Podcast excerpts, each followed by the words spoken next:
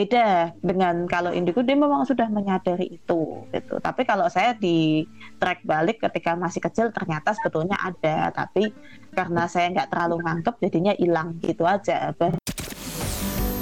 Welcome, everybody, to this week's episode. We really appreciate you joining us. This podcast really shows us how we can all learn, live, and thrive off of each other. By sharing our knowledge through our conversations, we will impart some knowledge whilst learning ourselves how to progress even further. Here is your host,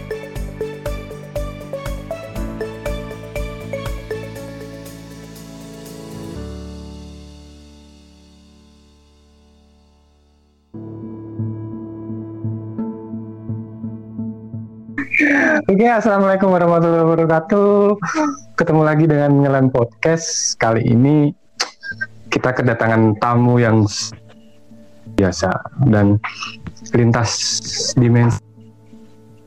iya betul lintas dimensi Dan boleh diceritain dikit dong itu lintas dimensi itu apa gitu? Jadi kenapa tercetus nama lintas dimensi itu gini? Kita kan berbahasnya tentang dunia supranatural, melintasi dimensi. Jadi namanya oh, oh. lintas dimensi. Simpelnya sih gitu sih sebetulnya Hmm, namanya. berarti berarti paling enggak ada background dong, mungkin ada sesuatu di balik nama Dita Arin ini mungkin punya ini yang selalu saya tanyakan pada narasumber-narasumber saya, saya tanyakan Mbak Dita punya indigo itu apa enggak sih sebenarnya? Kalau saya dibilang punya indigo nggak ada sih. Nggak ada ya. Nggak ada kalau, ya? kalau mengakui itu dari keturunan mungkin gitu. Soalnya saya belum pernah nyoba cari tahu itu keturunan apa enggak belum pernah. Tapi kalau Hmm. dibilang itu indigo, ya cuman hanya cerita-cerita aja bahwa dulu keturunan ada gitu. cerita, dengar cerita. Tapi kalau track Oke. nge-track itu ya nggak pernah. Ada apa sih? Berarti sama kayak saya, saya, saya juga ada keturunan, cuman kalau dibilang indigo kan emang bener emang harus buka buka aura ya. Eh, Cuman sampai sekarang gimana. Eh, sebenarnya gini juga perlu kita luruskan sih eh, pengertian tentang indigo itu dulu ya. Kalau kalau dari ini ya dari saya ya. Jadi indigo Uh-uh. itu kan pertama itu dari aura dasar, dari lahirnya dia. Itu memang indigo. Jadi nggak berubah gitu. Indigo kan warna di spektrum kan. Nanti kalau di spektrum Hmm, bisa spektrum. dilihat. Ah, Nah, itu kan nggak akan berubah dan itu memang dia sejak lahir. Itu pun yang disebut dengan indigo dia memang kelahirannya di angka tahun kelahiran 70-an, 1970 sampai dengan 1979. Dia tahun 1980 kelahiran itu sudah bukan indigo lagi nanti namanya. Beda lagi namanya eh, gold kalau yang saya tahu ya. Terus 90 saya kan kelahiran 90, 90, 91 Oh. sampai dengan 99 itu kristal. Nanti 2000 itu rainbow. Oh berubah terus gitu ya? Iya, tapi terakhir cuma sampai di rainbow itu. Setelah itu udah nggak ada lagi. Jadi kan Hmm, ini gitu, istilahnya ah. evolusi energi dari waktu ke waktu itu terus berkembang menjadi rainbow. Rainbow kan pelangi, ada semua. Oke oke. Hmm. Jadi tema kita malam ini kan sebenarnya pencerahan sih mbak, pencerahan. Jadi jadi kalau kita flashback di episode-episode awal ngelem podcast itu kita bikin empat empat apa ya? Empat sequel mbak untuk episode percaya nggak percaya. Sampai empat episode tapi nggak ketemu kesimpulannya itu apa gitu. Makanya Hmm. ketika di episode 4 ya udah kita selesai sampai di sini final karena kita nggak nggak nemu kesimpulan-kesimpulan itu. Apa itu indigo dan lain sebagainya terus akhirnya ketemu sama podcastnya Mbak Dita ini lintas dimensi kok relate banget ternyata gitu makanya saya undang ke sini gitu gitu iya itu juga sih episode pertama kayak apa gitu. oh ya Heeh. gitu ngerti Hmm. Gitu. Jadi kalau yang kita alami sebenarnya itu indigo lintas dimensi yang bisa melihat ke dunia gaib gitu mbak ya. kalau indigo sendiri itu kan ada empat Ah, ya itu itu itu saya udah dengerin kan kemarin. Ah. Ah, dan kalau yang bisa melintasi dimensi lain itu pun hanya yang interdimensional tapi kan dia bisa gabung antara interdimensional dengan uh, apa dia yang sosial gitu kan atau yang alam dengan yang sosial. Jadi bisa dua dalam satu orang ini bisa dua, bisa apa namanya fusion, bisa ga, bisa gabung lah gitu. Bisa gabung jadi satu ya? Uh, bisa, tapi ya kebanyakan ya satu gitu. Itu pun indigo itu kan hanya untuk yang anak kecil. Jadi kalau dia udah dewasa ya nggak indigo lagi penyebutannya ya penyebutannya ke situ. Oh, oh iya. berarti untuk anak anak di bawah umur mungkin 10 lah. sebelum dewasa mungkin ya? Ya remaja aja dia sudah nggak masuk tuh sebetulnya. Berarti kalau seumuran kita begini udah nggak indigo, Mbak berarti? Enggak. Oh gitu, maksud Beda. setahu saya, setahu saya aura itu dari lahir sampai nanti nggak tahu kapan itu kalau, indigo terus kalau auranya betul sampai dengan dari lahir sampai dengan itu ada yang aura basic sampai dengan aura yang terluar itu ada betul. Cuman penyebutan indigonya sendiri kan ya hanya untuk anak-anak sih. Kalau udah dewasa ya harusnya nggak pantas disebut indigo. Maksudnya dia kan harus sudah bisa berkembang dengan sendirinya gitu loh. Jadi kan Oh, seperti itu. Oke, oke, oke. Kemudian ketika sudah dewasa ada pilihan. Kamu mau meneruskan atau gitu kan atau dicuekin aja kalau dicuekin ya ya sudah jadi balik lagi tadi yang dibilang Mbak Dita kalau indigo itu setelah masih eh, ketika masih anak-anak ya iya masih anak-anak sih tapi saya ngerasain itu ada itu setelah umur 18 mau ke 19 tahun Mbak baru sadar justru di masa-masa kecil apa-apa kalau ada juga yang begini sih, nah ini ini sebenarnya istilahnya banyak ya. Nanti kalau sudah ada indigo, kristal, nanti ada lagi starseed, ada macam-macam sebetulnya kalau kita mau pelajari. Hmm. Tapi kalau misalnya kok baru nyadar, saya aja juga baru nyadarnya kuliah malahan berarti umur 20-an. Oh gitu. Ya sama, saya, saya sudah kuliah sama. Oh, udah kuliah juga sih. Ya kalau hmm. kayak gitu kan apa ya?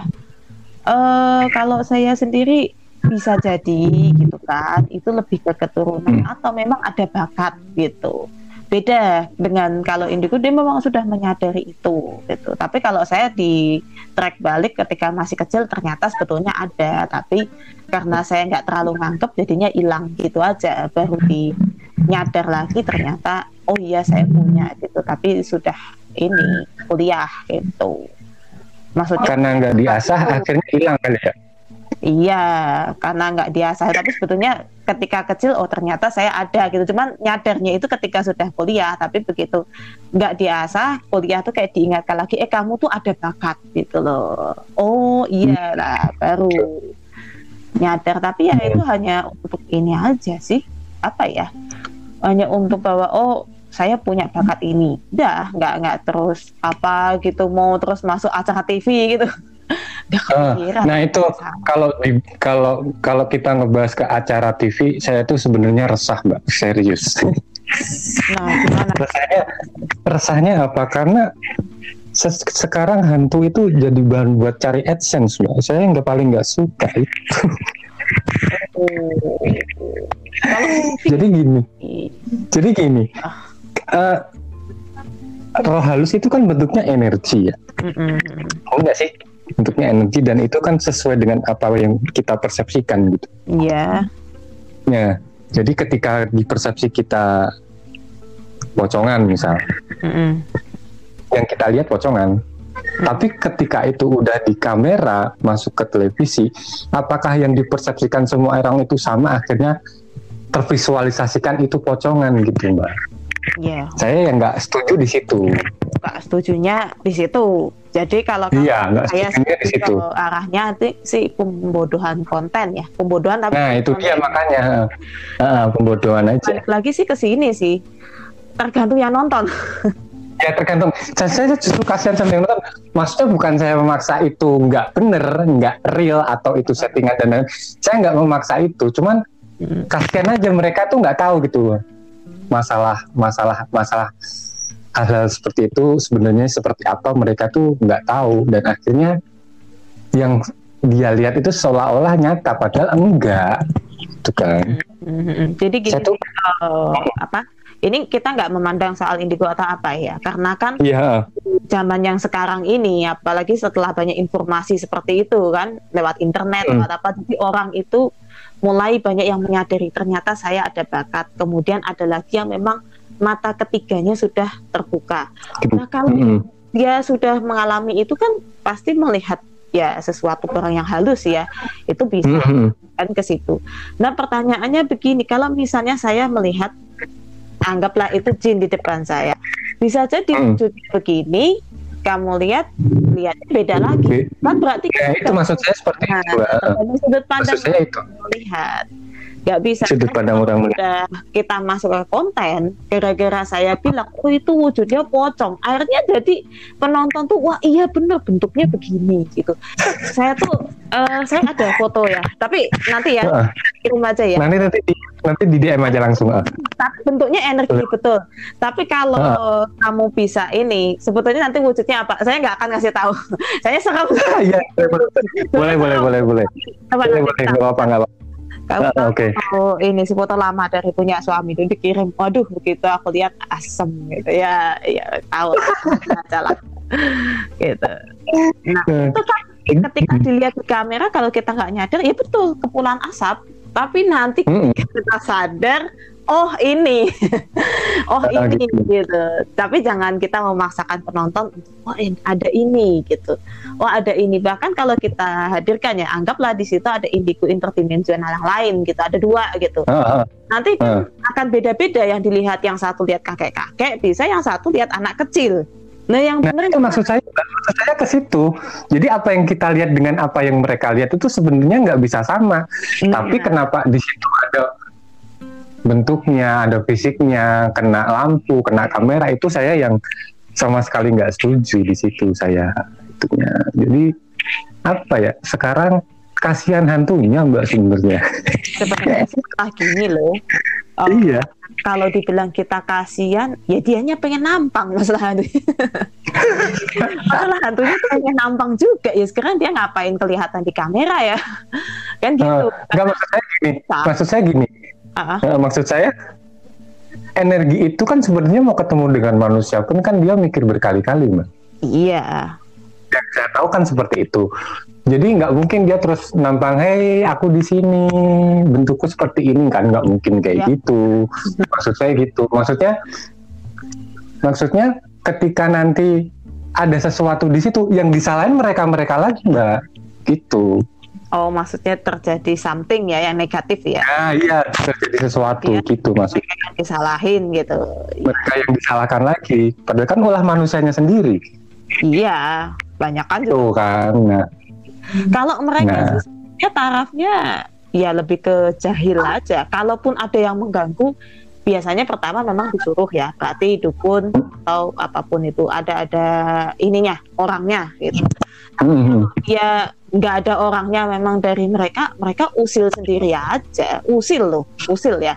usir ya. Tapi kalau pengen kalau dia mengganggu banget berarti ada sesuatu yang pernah dilakukan oleh misalnya kita penghuni rumah di situ atau kita melintas di situ dan kita pernah melakukan sesuatu begitu sehingga mereka nggak suka atau mereka ya apa sih kalau ya memang sih benar lebih ke usil kalau itu tempat satu tempat yang ini ya eh, tempat Hmm. tinggal ya berarti kan mungkin mereka pernah terganggu mungkin gitu paling menampakkan atau mengganggunya itu ke situ gitu loh ingin ngasih tahu ini loh kamu tuh dulu pernah ganggu cuman yang enggak aja paling Oh gitu. parah ya Hmm. Kalau cuma kita ditampakkan wah itu usil Itu usir, ya benar. nah, di Kan sana kok di sana pun ya misalnya mereka usil nih gitu kan mewujudkan diri oh ya anggap kita sosok apa kuntilanak gitu tahu-tahu zer gitu Hmm. gitu kan iya. ya begitu kita ketakutan kan lari gitu ya mereka ketawa balik juga Ya sama-sama takut sih sebenarnya kayak kita ngelihat ular aja. iya ya Kitanya kabur, Ketawa. kita juga kabur gitu kan. gitu ketawa Iya sama-sama takut sebenarnya. iya Eh, Jadi balik lagi ke indigo tadi mbak. Mm-mm. Indigo ada taraf-taraf atau level-levelnya gitu apa enggak sih sebenarnya? nggak ada kalau dibilang Nggak ada ya? nggak ada kalau memang dia mau melatih kemampuan mungkin ada gitu kan berarti dia Hmm. kemudian dilatih gitu kalau nggak dilatih hilang sebetulnya sih Oh hilang. Ya kalau Gitu. maksudnya paling cuman hanya yang dasarnya aja nempel gitu ya, bukan bukan hilang hilang lang menguap Hmm. itu, tapi paling masih ada, cuman dia tidak terlalu ambil pusing begitu. Tapi kalau yang dia eh, oh sadar dengan melatih dirinya sih sebetulnya salah satu caranya adalah meningkatkan dari segi spiritualitas ya. Kalau dia memiliki keyakinan yang kuat tentang agama dia, ya, melatihnya dari situ menyadari bahwa memang ada makhluk yang tinggal sekitar dia tentang ciptaan Tuhan itu dari situlah melatihnya Hmm. dia menggunakan kemampuan yang sudah diberikan itu sesuai itu misalnya di eh, apa indigo interdimensional ya dia untuk penghubung kan seperti yang saya bilang di podcast sebagai penghubung antara dunia dan heeh. dunia ini ya sudah dia gunakan untuk di pack itu itu ya udah Oh enggak sih. Yang saya masih belum paham itu Hah? eh, penghubung itu gimana? Dia emang ditugaskan sebagai penghubung atau sekedar kata-kata aja penghubung meskipun penghubung itu tidak digunakan sama si indigo itu apa gimana, Mbak? sebenarnya penghubung itu kan begini dari makhluk jin itu juga ya ada Hmm. kan yang tidak bisa melihat manusia tapi manusia ada yang bisa melihat mereka sama mereka pun. Oh. yang jadi paling ini juga karena kan kita ada pembatas ada hijab ya ada pembatas Ada hijab, oh. nah itu mereka ada yang nggak bisa lihat kita dan ada yang bisa lihat kita sama kita pun ada yang nah ketika kita bentrok ya misalnya kan Heeh. kita ingin mendirikan sebuah rumah gitu. Dan di situ sebetulnya sudah menjadi kediaman jin ya kita istilahnya izin dulu gitu. Kalau kita tidak Hmm. melalui nah tugas si indigo interdimensional inilah yang menghubungkan gitu kan. Misalnya sudah dibangun Hmm. tapi kok ada gangguan kenapa ya gitu tanya ke dia kenapa gitu oh rupanya ya dulu waktu bangun nggak bilang kalau ini mau dijadikan tempat tinggal dia akan pindah kok misalnya gitu nah ini Oh. yang menjadi komunikasi Oh, oke oke oke paham saya sekarang. eh. penghubung itu gitu maksudnya Oh, gitu. Jadi eh, seperti Om Hao di cerita Tanah Jawa terus betul. dan youtuber-youtuber yang lain itu di- dia juga bisa disebut sebagai penghubung ya mbak ya? Bisa tapi kan kalau Om Hao sendiri kan dia sudah me- apa ya mengkhususkan sebagai pakar retro. Retrokognisi kan berarti bisa melihat ke masa lalu itu oh iya iya. Di penghubung ya kalau dia dimintai tolong mau ya nggak masalah karena kan cukup sulit ya untuk kita diskusi atau komunikasi. Maunya gimana nah. gitu. Dan ketika ketika kita udah komunikasi dengan itu kan bisa disebut jin ya? Mm, mm. jin atau energi itu bukannya mereka suka berbohong mbak? Jadi komunikasi yang dia sampaikan itu benar atau enggak nah ini kita perlu mengulas sebetulnya pembahasannya bakalan dalam ya sebetulnya kalau gitu Iya, Pak Kadel. Makanya saya tuh sebenarnya pengen ngobrol banyak banget, cuman karena waktunya mungkin nanti bisa disambung next episode mungkin, Mbak. Gitu. Oh, Oke lah, sebenarnya kan kalau kalau yang Da- eh, secara kasar secara kasar. oh, secara kasar, kalau secara Hmm. kasar sih kita nggak bisa ya menyamaratakan terus semua jin itu pembohong gitu. Karena kan gini, Nah, yang di Instagram kalau kalau baca ya dan Ah. kalau lintas dimensi maupun yang pendengarnya kalian podcast ini Hmm. di Hmm. di sana bahwa saya pernah menerangkan ada tiga jenis golongan tanah, udara, air. Ada tiga dan nggak bisa Ah. kita pukul rata semuanya bohong. Jadi yang mana yang dikata pembohong? Gitu, apakah yang dari unsur tanah, apakah dari unsur eh, air ya, laut ya, atau Hmm. dari yang udara? Itu karena yang bohong ini ya ya itu tadi balik lagi mereka mereka yang usil, yang maaf, yang ya cuman kerjaannya pengangguran lah malah nggak ada kerjaan gitu, cuman kerja yang yang itu lah gitu atau yang memang Eh. pengen godain aja. ya cuman yang itu gitu tapi kalau yang golongan yang tinggi yang di atas ya mana mau oh gitu. Sama. Jadi yang paling bawah justru yang usil itu sebenarnya ya. Nah, ataupun narapidana eh narapidana Tapi dana. Oh jadi ada dunianya, ada dunianya ini ini ini saya yang belum pernah dapat informasi tuh yang yang ini, Mbak. Mungkin ya next episode kita bisa bahas lagi lah. nah bisa aja lah Jadi kita ya oke oke. banyak saat Jadi ma- masih seputar di masih di seputar indigo lagi. Hmm. Jadi saya itu nggak pernah tahu apa yang disebut fisik fisik dari makhluk itu yang disebut pocongan, kuntilanak, gendruwo, tuyul dan lain-lain itu saya nggak pernah lihat mbak. Serius demi Allah, Yes. saya yang melihat itu wujud-wujud yang cantik-cantik, nggak pernah dikasih wujud yang jelek. Tapi saya tahu itu bukan manusia. itu sih kembali kepada ke si makhluk itu ingin mewujudkan seperti apa, ingin mewujudkan seperti apa gitu. Jadi misalnya menurut si manusia, oh wujudnya tuh begini, kemudian ya dia akan mewujudkan seperti oh menurut manusia tuh aku tak ambil wujud ini gitu. Ya memang Hmm. golongannya sekarang ini ada ya luas ya aduh saya nggak nggak Eh. jelaskan. tapi kalau yang mereka yang hanya bentuk-bentuk energi ya oh wujudnya yang ini ya ini gitu oh, wujudnya yang cahaya cantik ya ini gitu loh tapi Hmm. merubah wujud itu tentunya butuh energi besar nah besar. ya jadinya nggak gampang lah untuk merubah wujud itu.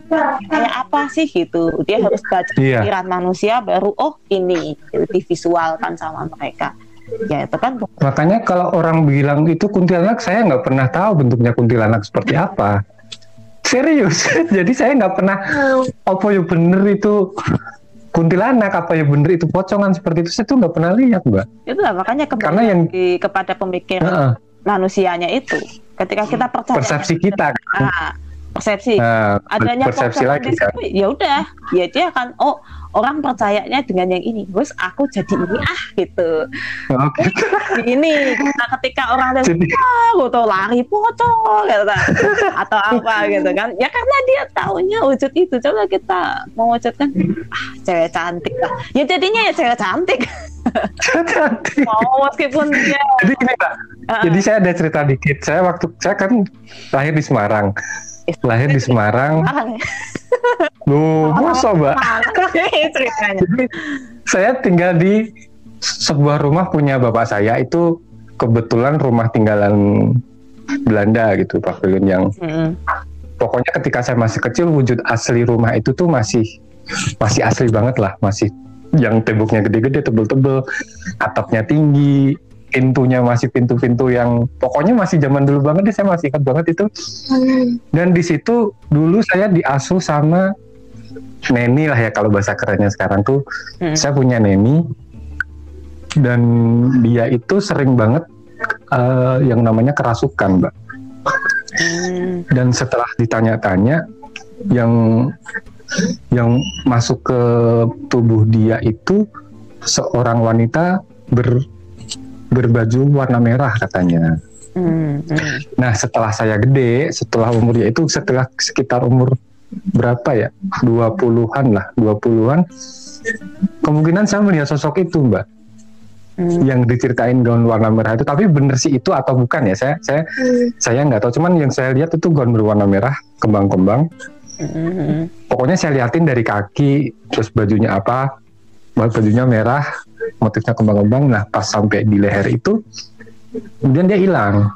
Hmm. nggak berani menampakin wajahnya lagi dia hilang dan saya ke mana tadi ya kok hilang gitu Hmm. kalau menurut saya tuh itu yang selama ini jadi cerita orang tua saya dulu mbak kemungkinan. Kayak gitu yang saya rasain tuh saya yang saya rasain yang saya rasain kayak gitu. Cuman sekarang kan udah pindah saya udah pindah Hmm. udah nggak di situ lagi. Nggak tahu lagi si makhluk itu masih ada di situ atau enggak gitu. Karena ber- berkali-kali kejadian itu yang datang gaun warna merah itu terus. Hmm.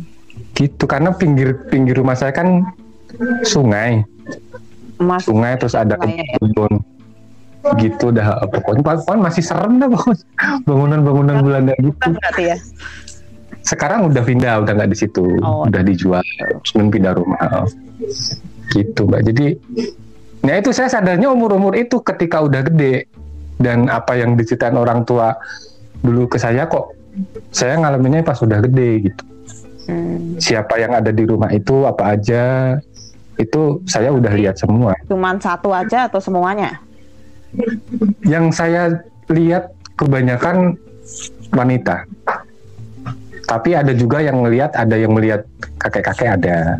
Oh, cuman yang saya lihat semuanya wanita. Oh. di rumah itu. Kayak gitu.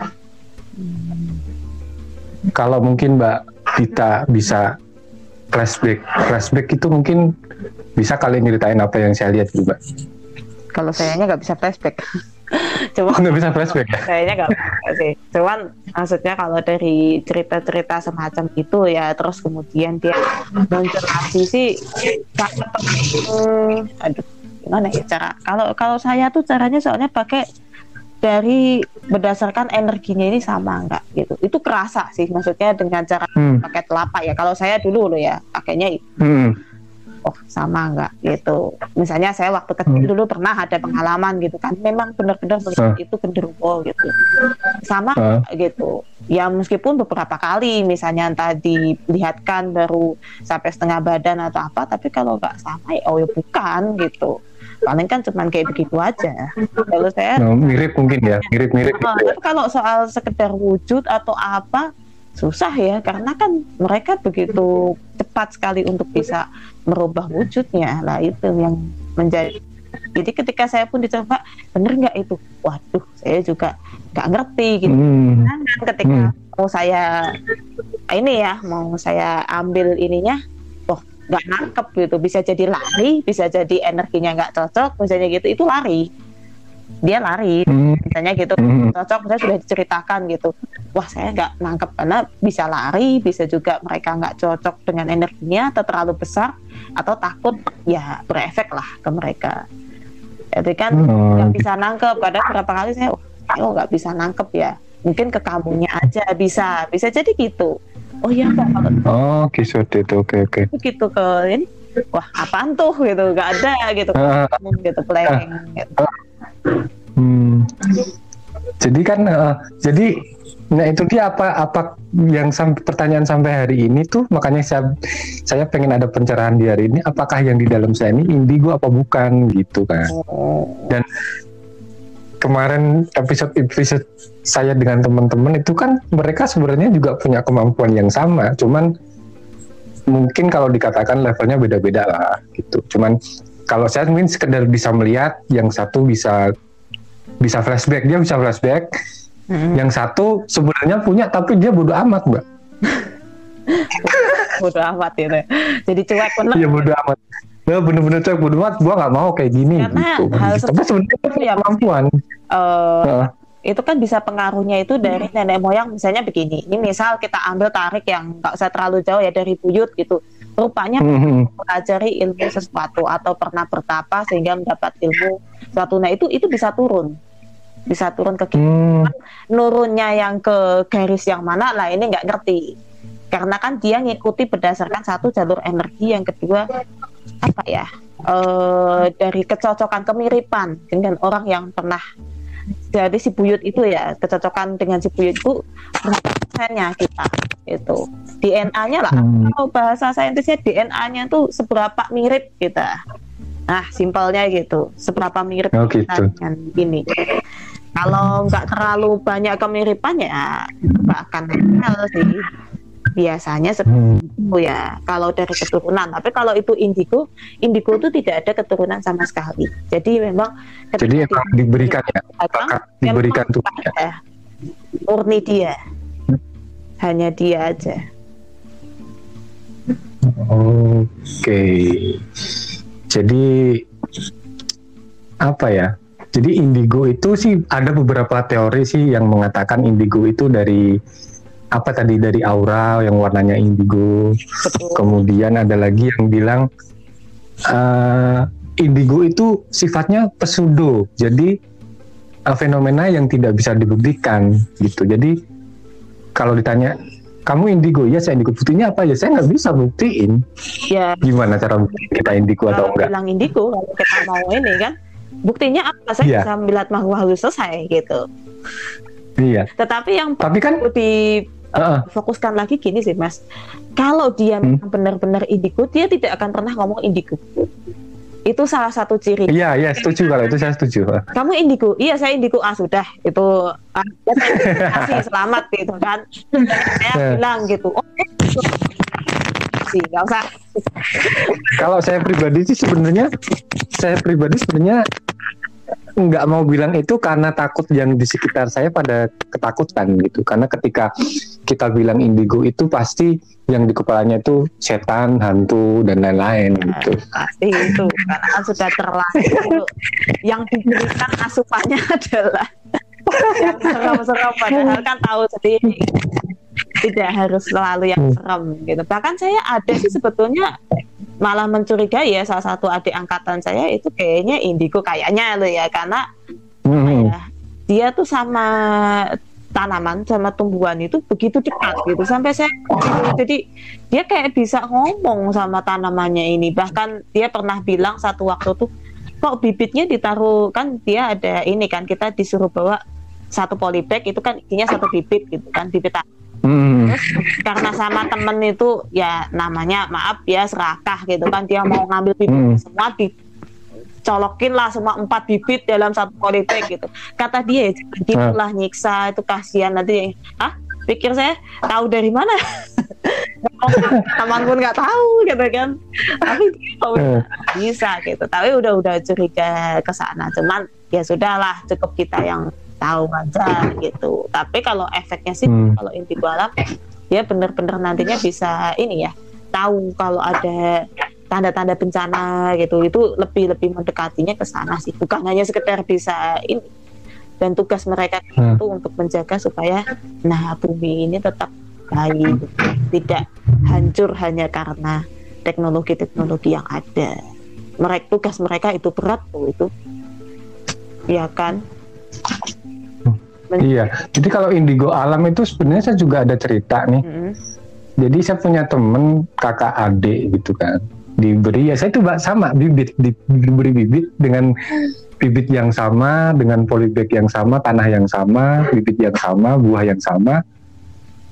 Kemudian si emasnya ini dengan si tanaman itu kayak kenal banget gitu mbak beda dengan adiknya jadi pas tanaman itu tumbuh berbuah buahnya punya emasnya ini hasilnya lebih bagus lebih gede lebih manis beda dengan adiknya apa itu bisa disebutin juga kalau itu sih gimana ya gak mesti juga aduh nggak mesti juga ya Gak mesti juga. Kalau itu kan gini, sebenarnya tanaman itu kan ajaibnya begitu. Ketika kita sadar, kita mencintai dia, menyirami dia dengan penuh rasa syukur itu, dia akan berbuah lebih baik gitu daripada yang eh, kita biasa-biasa aja merawatnya. Meskipun dari pupuk sama, misalnya gitu kan, untuk Hmm, eh, pestisidanya sama, ini sama, tapi dengan rasa cinta it- itu berbeda.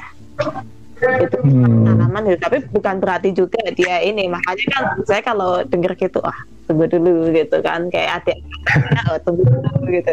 Lihat dulu gitu kan. Tapi kok kayak bisa ngomong nih sama tanaman. Iya kayak bisa ngomong kayak deket kayak udah kenal lama gitu sama tanaman itu. Dielus-elus pokoknya kes iya. salah satu yang lebih nampak lagi adalah kemudian dia mengajak orang lain indigo itu begitu. Misalnya yang indigo interdimensional kemudian dia mengajak untuk yang lain bagaimanapun juga kita hidup berdampingan misalnya gitu. Dengan yang indigo Hmm, juga kita juga harus menghargai alam sekitar. Atau yang indigo sosial kan dia begitu ada bencana gitu. Wah langsung dia cepat tanggap bencana. Ayo kita tolong ayo kita ini ya itu kan. Sosial kan Hmm. begitu sosialnya luar biasa. Begitu ada orang yang kesusahan dia ingin sekali bantu ataupun yang hmm. untuk sosialisasi ya lanjut ya Gitu. Hmm. Jadi sebenarnya indigo itu kalau di apa ya disubkan di sub ke bawah itu Mm-mm. banyak banget ternyata ya iniannya. Nggak sesempit itu maksud saya. Maksudnya nggak nggak sekedar kita bisa melihat Roh-roh halus, kita bisa eh, gitu Ya, maksudnya. kalau sekedar hanya bisa lihat roh halus ya, sekedar mata ketiga terbuka itu sudah bisa melihat roh halus.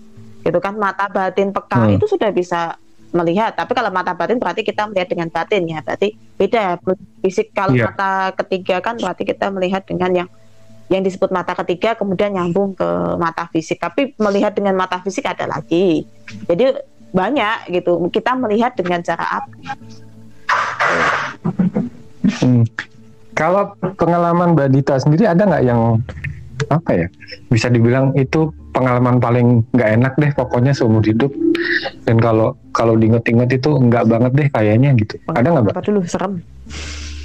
Pengal ya pengalaman indigo ter terutama Pengalaman yang dikata lebih ke dunia supranatural itu ya cuma satu-satunya ya. Hmm. Yang eh, kalau Hmm. masih- waktu masih kecil banyak sih sebetulnya sih.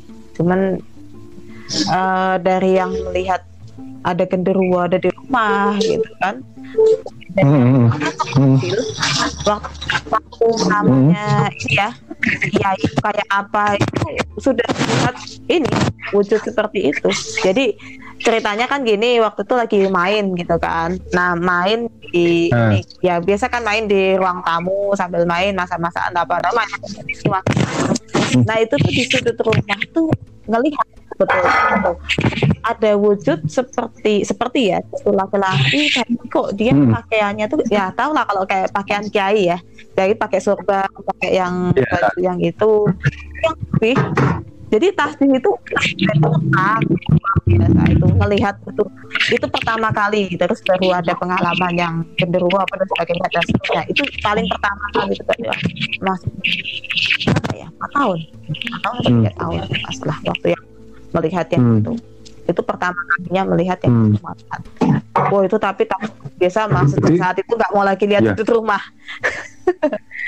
Kamu, tapi kalau sekarang nggak beda sih. Maksudnya yang dulu rumah yang dulu kan rumahnya udah dijual, Nah, udah pindah lagi. itu dijual Hmm. jadi eh, apa next episode kita bahas yang isi-isinya itu tadi mbak Oke lah. Nanti yang penting isi-isinya kita Nah, nanti kita atur waktu lagi Oh, Jadi kemudian ada masih satu pertanyaan terakhir nih. Kalau dikasih pilihan, Mbak, dikasih pilihan diasah atau enggak, milih mana Mbak? Kalau saya sih sebetulnya lebih ke arah diasah. Karena begini, apalagi Hmm. sekarang ya sudah tahu tujuan hidup itu sebetulnya untuk apa begitu kan. Ketika tahu begitu ya Hmm. saya ingin wah lebih baik diasah. Ini bisa saya gunakan untuk begitu membantu yang lain. Nah, tujuannya ke sana gitu karena kan kita Hmm. tahu ya kenapa saya diberi ini. Itu itu pertanyaan saya dulu di waktu kuliah sih. Kenapa diberi kayak gini sih? Enak loh bisa lihat gitu kan. Serem tahu merem tapi ya tetap aja kelihatan gitu kan. Baru mau tidur Ya, kelihatan. nyamannya elah siapa tuh gitu kan. Atau mungkin baru tidur tahu-tahu ada yang lewat ngek wajahnya itu ber gitu. Bau pula matanya turun satu gitu. Iya pikirin ada salah gitu kan. Tapi ya setelah ini kan Hmm. makin lama yang yang seperti itu nggak kelihatan. Setelah sekarang ya nggak kelihatan. Yang yang serem-serem gitu kan udah nggak kelihatan. Ya udah. Hmm, nggak kelihatan. ya biasa lah gitu. Kalaupun ini ya biasa. Hmm. ya kan kalau selam oh iyalah gitu. Kan pernah juga ini kan ya berdialog lah dengan diri sendiri. Saya ini kenapa? Kenapa harus punya kayak gini gitu bisa nggak dilepas Hmm. gitu? Ya ketika berdialog itu ya lah kenapa dilepas? Ini kan hadiah gitu. Ini kan Iya, dikasih ini gitu kan. dikasih, gitu. Bukan ada pertanyaan masa kamu nggak mau nggak ada pertanyaan begitu? Ini kan hadiah gitu. Dan tahu nggak kenapa dikasih ini? Kamu harus ya gunakan itu dan Ya memang ada manfaatnya diberi itu. berpikir gitu. Ya, ya kan? Oh, jadi ya udah ya gitu kan begitu sudah tahu jawaban oh, oke lah gitu ya akan saya gunakan itu sampai dengan ya, berapa usia Hmm. ya memang nggak ini sih berarti kan ada kalau cuma hanya sekedar bisa melihat ya tersiksa sih saya ada cerita besok aja Iya, ya terus- next episode ya ada cerita Oke besok besok. Oh, tentang Oke orang oke. bisa Jadi ini Nah. Oh, jadi sebagai penutup biasa kita punya ini punya pesan-pesan gitu buat sobat-sobat ngelam yang dengerin podcast kita. Jadi pesan-pesan eh, tentang apa ya eh, sesuai dengan tema kita ini sebuah enlightenment atau pencerahan gitu. pesan saya cuma satu jangan pernah mau jadi indigo Waduh, jangan pada di indigo dong. Tapi kan kita terlahir sebagai kita terlahir sebagai indigo. Nah, kecuali memang kita sudah menyadari silahkan. Tapi kalau kita eh, apa yang selama ini terjadi ya, jangan pernah mau deh gitu. Udah jalani hidup apa adanya kita tahu normalnya begitu ya sudah gitu. Jangan pernah mau jadi itu. Apalagi hanya itu hanya untuk sekedar tampil aja. Ya bagus. ya pamer show off gitu ya, jangan lah. Udah biasa aja kan toh ya. Yang penting hidup kita berguna untuk orang lain. Itu yang lebih Nah itu yang paling Daripada penting. kita jadi gitu kemudian muap begitu saja ya, apalagi sekarang ini sudah Hmm. sudah mulai berkurang ya yang hal-hal seperti itu kasus kemarin itu kan tahu kan yang tetangga Iya iya. Kan jadi berkurang kasus ya.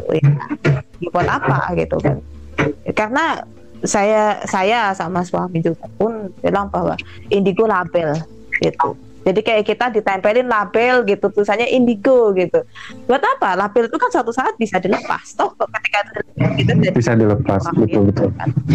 itu jangan pernah Hmm. terjaga dengan label-label lah mau dibilang indigo starseed kristal apa pun itu ya nggak usah lah Udahlah, jadilah be yourself jadi diri kita sendiri enak dan ada Oke. itu aja pesan saya Oke. Sebagai penutupnya, buat sobat-sobat yang punya cerita misteri atau pengalaman-pengalaman seputar supernatural, indigo dan sebagainya, bisa DM kita di Instagram podcast ngelem underscore podcast. Kalau ke Mbak Dita ke mana nih? Eh, podcast underscore lintas dimensi sama juga DM juga Podcast, underscore lintas dimensi oke via Anchor juga bisa ya? bisa Oke, kayaknya tema malam ini mungkin cukup sampai di sini. Mungkin besok kita lanjut ke tema yang tadi, Mbak. Tema yang yang lain. apa itu oh yang lain lah ya nanti ya Ya, ya, yang lain lah pokoknya. Nanti kan kita sambung di DM. oke oke oke ya sip Oke, oke. Terima kasih, Mbak Dita. Assalamualaikum warahmatullahi wabarakatuh. Waalaikumsalam